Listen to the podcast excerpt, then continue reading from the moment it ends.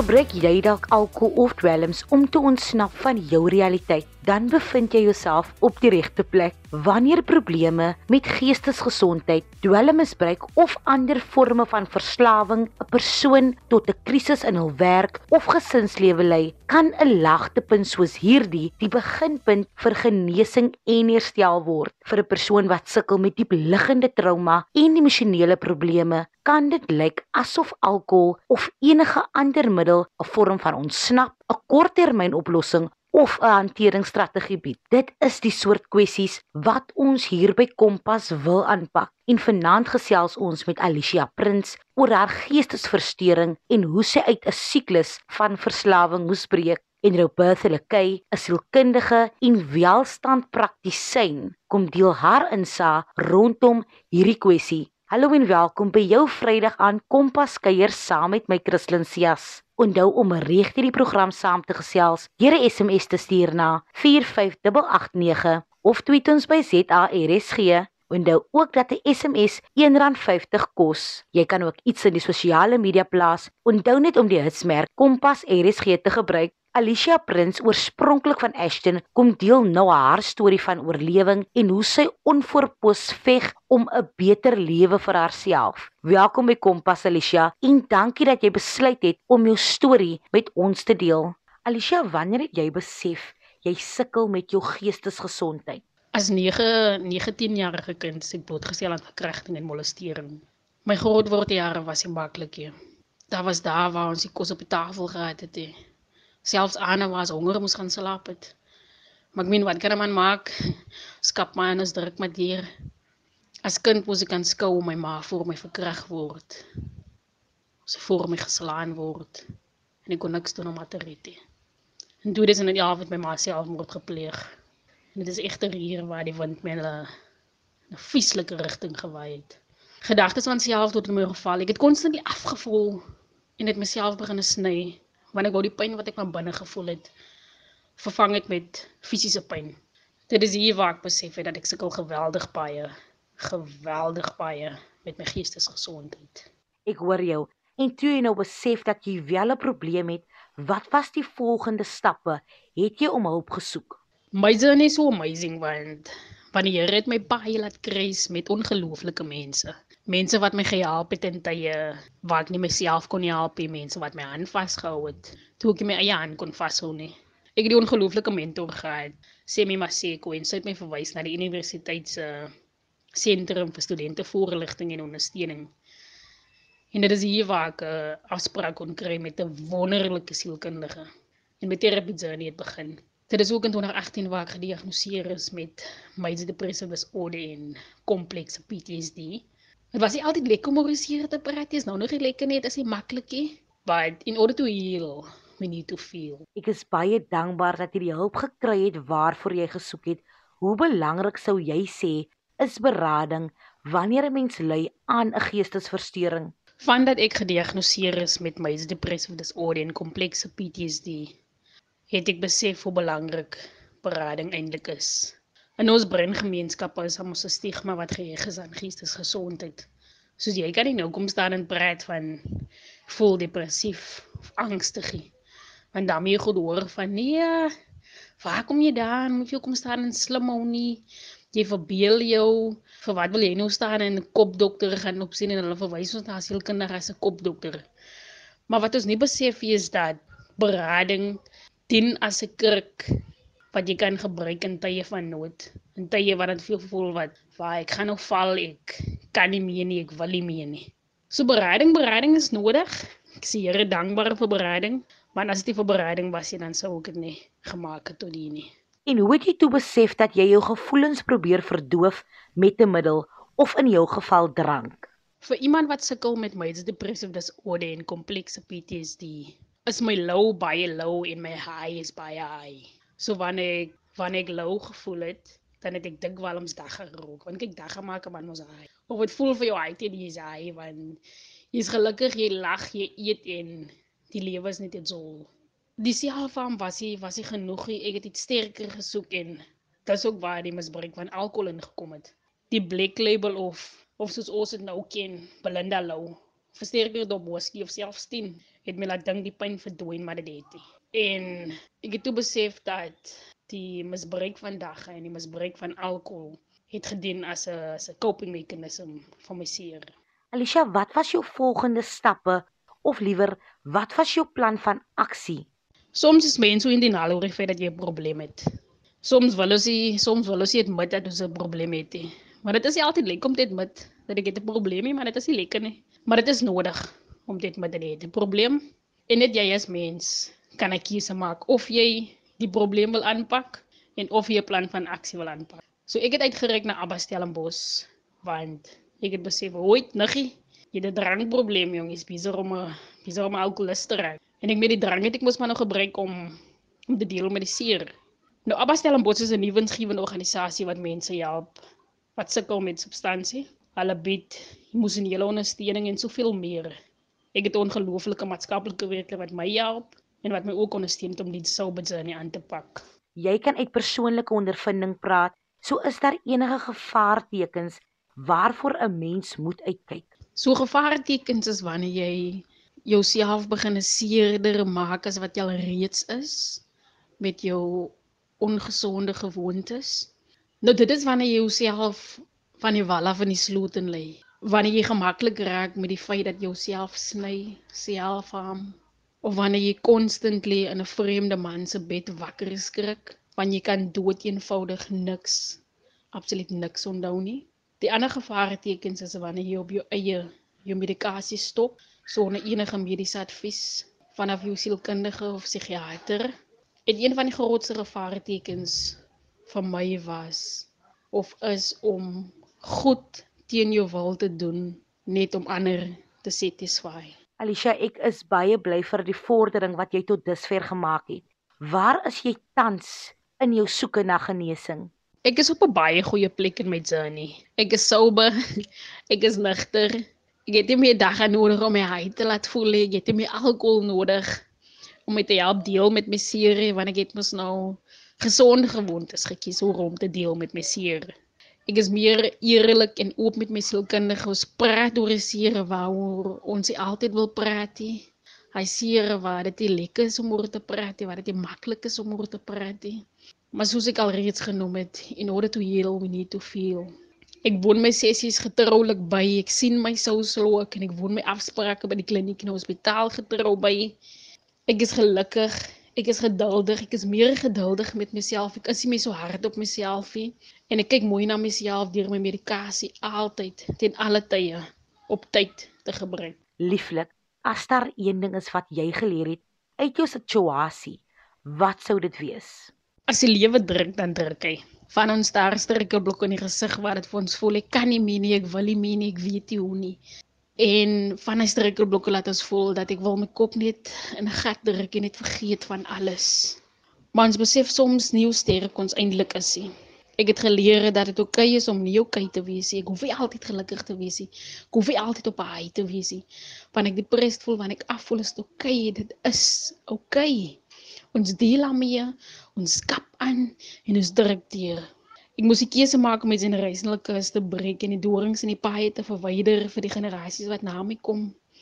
Want ek wil nie hulle moet hier dieselfde gaan waar ek gegaan het nie. Ek het ook geleer dat my storie, my lewensverhaal die potensiaal het om 'n verskil te maak in ons gebroke gemeenskappe. Baie dankie dat jy dit met ons deel. Watter boodskap wil jy oordra aan iemand wat dalk in dieselfde bootjie sit waar jy teens op 'n tyd was? aan iemand wat deur dieselfde gaan waar ek gegaan het of waar ek steeds gaan wil ek sê klou vas aan dit waarin jy glo klou vas aan daai bietjie strength wat jou dra van dag na dag ek glo in God Jeremia 29 vers 11 en Hebreërs 13 vers 5 is my go-to Bybelversies Ek weet wat ek vir jou beplan en dit is voorspoed en nie teespoed nie ek sal jou nooit begewe of verlaat nie En dan ryk uit vir hulp wanneer jy die gevaartekens begin raak. sien die hulp is aan buite, ons moet net uitreik. En dis oukei okay om nie oukei okay te wees nie. En onthou, jy is nie alleen nie. Ons sal mekaar dra in tye van nood en tye van seer kry wanneer dit voel ons kan nie meer nie, ons wil nie meer nie. Wil vir jou kom sê jy is meer as 'n oorwinnaar. Jy sal die stryd oorwin. Baie dankie Alicia. soos Alicia nou genoem het, dit is oukei okay om nie oukei okay te wees nie. Ryk uit vir hulp wanneer jy die gevaartekens gewaar. Het jy 'n laagtepunt in jou lewe bereik en hoe hard het jy geveg om weer bo uit te kom?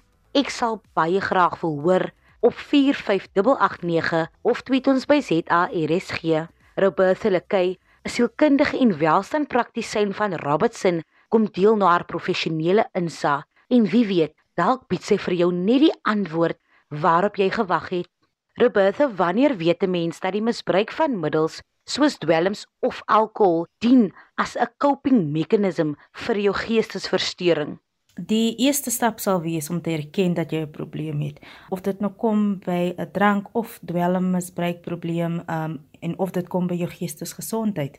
Ons kan nie werk aan 'n probleem as ons nie erken dat ons een het nie en hoe dit al jou lewe geaffekteer het nie. So dit is baie moeilik vir mense om te kan erken dat hulle 'n probleem het. Soos met die simptome van toestande soos depressie of angstigheid of posttraumatic stress disorder wat ook bekend staan as PTSD. Dit kan ook baie skrikwekkend wees vir mense. So wat doen hulle? Hulle, hulle ignoreer dit. Hulle hoop dit gaan weg.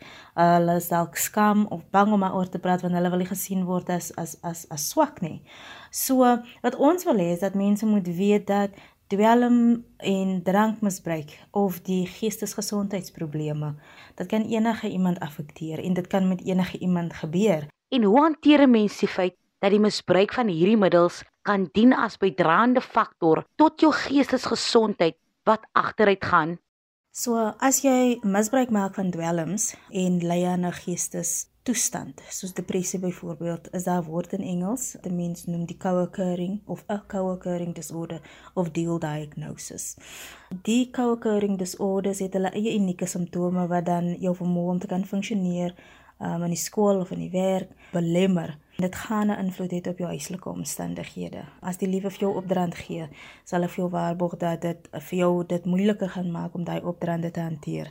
Dit is moeilik om die co-occurring disorders te kan identifiseer want jy het tyd nodig om te bepaal is dit 'n drank of 'n dwelmprobleem en of dit 'n geestesgesondheidsprobleem is. Die tekens en simptome verskil afhangend van die tipe geestesgesondheidsprobleem en dan die middel wat misbruik word. Daar is wel algemene tekens, goedjies of vragies waarna 'n mens kan kyk. Um as jy wil bepaal of die een of die persoon co-occurring disorder miskien het. Jy kan kyk na goedjies soos gebruik hulle die middels om die onaangename herinneringe of gevoelens te hanteer. Is daar miskien pyn wat beheer moet word om situasies in die gesig te staar wat vir hulle bang maak? Is daar iemand in hulle familie wat sukkel met 'n drank of 'n dwelmprobleem of ewens 'n geestesgesondheidsprobleem? En is daar 'n verhouding tussen die dwelm en die drankmisbruik en dan die uitwerking daarvan op hulle geestesgesondheid? Sou jy dan nou sê 'n gebrek aan ondersteuning vir geestesgesondheid lei tot die gebruik of misbruik van alkohol of dwelms? Ja, die gebrek aan ondersteuning vir geestesgesondheid kan lei tot die misbruik van drank en dwelms. So alkohol en dwelms word gereeld gebruik om die geestesgesondheidsprobleme te self-medicate. Mense gebruik dikwels alkohol en dwelms om die simptome van 'n ongediagnoseerde geestesversteuring te verlig of om moeilike emosies te hanteer.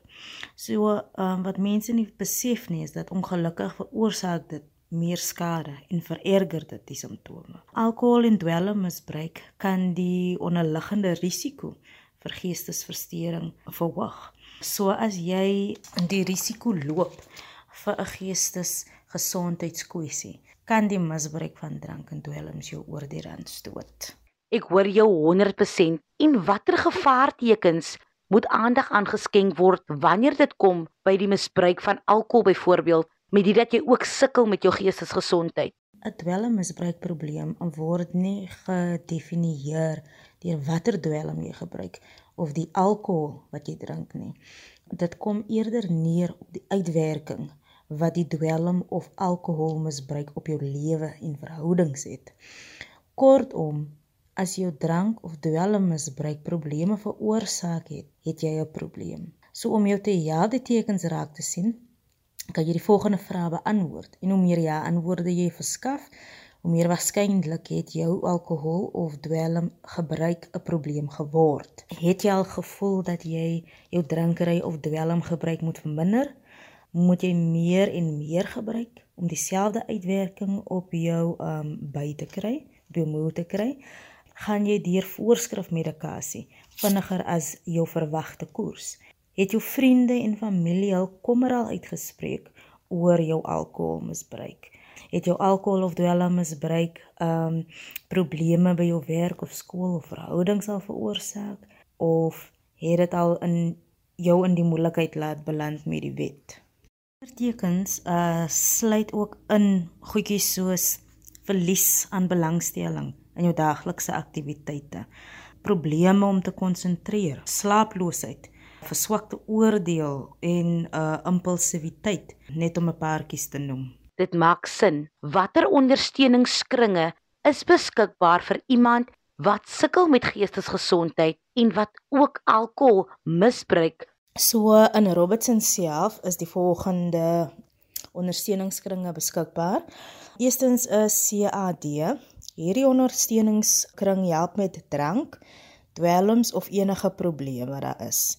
Daar is ook AA Alkoholiste Anoniem en vir die wat geaffekteer is deur iemand anders se se se alkoholmisbruik. Daar is 'n ondersteuningskring uh, bekend as Elnon wat ook vergaderings het. As ons meer Kaapse kant toe en Woester se kant toe beweeg is um Bloemendal Kliniek daar byvoorbeeld wat jou kan help met jou geestesgesondheid as ook die misbruik van alkohol en dwelms.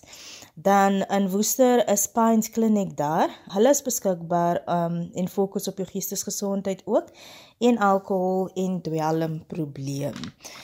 Laaste, maar nie die minste nie, is die Employee Health and Wellness Program Uh dit is 'n program of 'n inisiatief vanaf die departement van gesondheid en daar is verskeie punte waarop hulle vir jou kan kan help.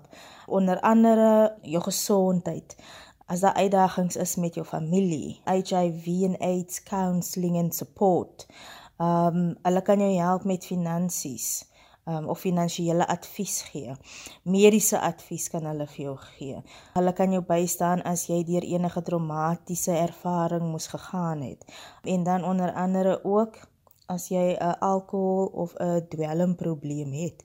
So jy kan hulle gerus kontak. Kan net op die internet gaan en tik in Employee Health and Wellness program. Hulle sal vir jou 'n tolvrye nommertjie gee. Hulle sal vir jou ook 'n webtuiste gee waar jy by kan ingaan. En hoe kan iemand dan nou hierdie laagtepunt in 'n lewe gebruik om homself weer te herbou? Gebruik jy die laagtepunt in jou lewe om jou om jou weer op te bou. Eerstens gaan jy moet besluit of jy dit gaan gebruik as 'n verskoning om wat jy gedoen het te regverdig of gaan jy dit gebruik as building blocks en dan vir jouself opbou van daar af. Wees eerlik ook met jouself aan die einde van die dag. Ek weet dit is baie moeilik, maar wees eerlik met jouself. Identifiseer wat se wat is jou swakpunte en wat is jou jou jou sterkpunte. Wat jou doelwitte betref, stel vir jou realistiese doelwitte, want dit is baie belangrik. Moet jy ook nie dan vergelyk met iemand anders sê. Vat dit dag vir dag. En ek bedoel dit regtig as ek sê vat dit dag vir dag en dan kyk net mooi na, na jouself. Sjoe, wat sou jy sê is die belangrikste wat 'n mens in gedagte moet hou wanneer jy die grond tref? En hier praat ek nou van wanneer jy die grond tref dat dit jou voel jy kan nie meer verder as dit gaan nie. Ja, as jy rock bottom getref het dan dan is jy baie jy's down in the dumps as 'n mens dit so kan sê. Jy voel moedeloos, jy's moeg. Jy voel daar is geen uitkom kans nie, maar weet jy wat, dit is nie die waarheid nie. Dit is nie die waarheid nie. Jy moet onthou daar is altyd altyd altyd hoop. Alkohol en dwelmmisbruik as ook gemoedsversteuring kan behandel word. Ja, dit vat tyd om te herstel van co-occurring disorders. Dit veg regtig toewyding en moed en ek wil graag hê mense moet weet dat dwelmprobleme of die drankprobleme of die geestesgesondheidsprobleme dit kan beter word. Regtig, dit kan beter word. Ek dink baie mense sal baat vind uit daardie raad. Robertha, indien daar iemand is wat luister wat dalk nou in 'n laagte is en nie weet waarvandaan van hierdie punt af nie, watter woorde van bemoediging of raad het jy aan hulle? As jy voel jy kan nie meer nie, soek asseblief hulp en vra vir ondersteuning. Om dit op jou eie te wil doen, om dit op jou eie te wil, wil hanteer, dis moeilik en is pynlik en dit gaan nie onmoontlik um, gevoelens van isolasie veroorsaak. As jy jou hulp wel gekry het, maak dan ook seker jy kry die nodige emosionele ondersteuning ook om jou help te hanteer wat op jou pad lê. Identifiseer vir jouself 'n go-to person as ek dit sou kan noem. Iemand wat jy vertrou, met wie jy kan deel waartoe jy gaan en onthou asseblief wees geduldig met jouself want baie mense vergeet dat die herstel herstelproses dit gebeur nie oornag nie. So onthou dit is 'n voortdurende proses en relapse is algemeen, maar jy sal dan net harder moet werk om weer op die pad na herstel te gaan. Deurlopende ondersteuning is baie belangrik en onthou asseblief jy kan hierdie moeilike tyd oorwin en jy sal weer beheer oor jou lewe kry. So moet asseblief nie moet opgee nie. Daar is ondersteuning daar buite, just reach out. Baie dankie Roberta. Wanneer die lewe jou druk, dan druk jy terug. Dit is nie altyd moontlik om dit op jou eie aan te pak nie. So ryk uit vir hulp. Praat met iemand. Daar is verskeie instansies wat help met geestesversteurings as ook die misbruik van dwelms en alkohol. Klou vas aan daai bietjie hoop binne in jou en moenie dat daardie lig aan die einde van jou genesingstonnel verdoof nie. Fluit fluit. My storie is amper uit. Indien jy enige van ons programme gemis het of net baie graag weer daarna wil luister, kan jy dit natuurlik aflaai by www.rsg.co.za. Gaan net na die potgooi skakel en soek onder K vir Kompas. Kompas word aan jou gebring deur SABC Opvoedkunde. Nou ja, toe van my Christlyn. En 'n lekker span hier by Kompas. 'n Lieflike en 'n veilige naweek verder.